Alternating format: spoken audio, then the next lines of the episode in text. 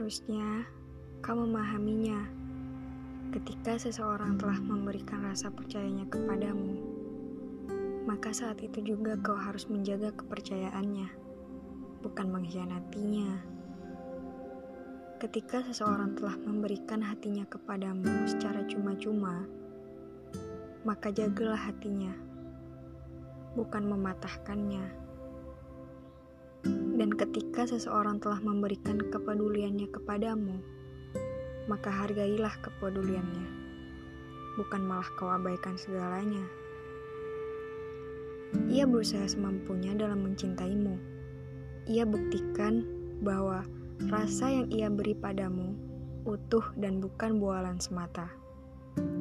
Tapi ternyata ia salah memberi hati. Ia berikan hatinya untuk berdebah sialan yang tak tahu diri.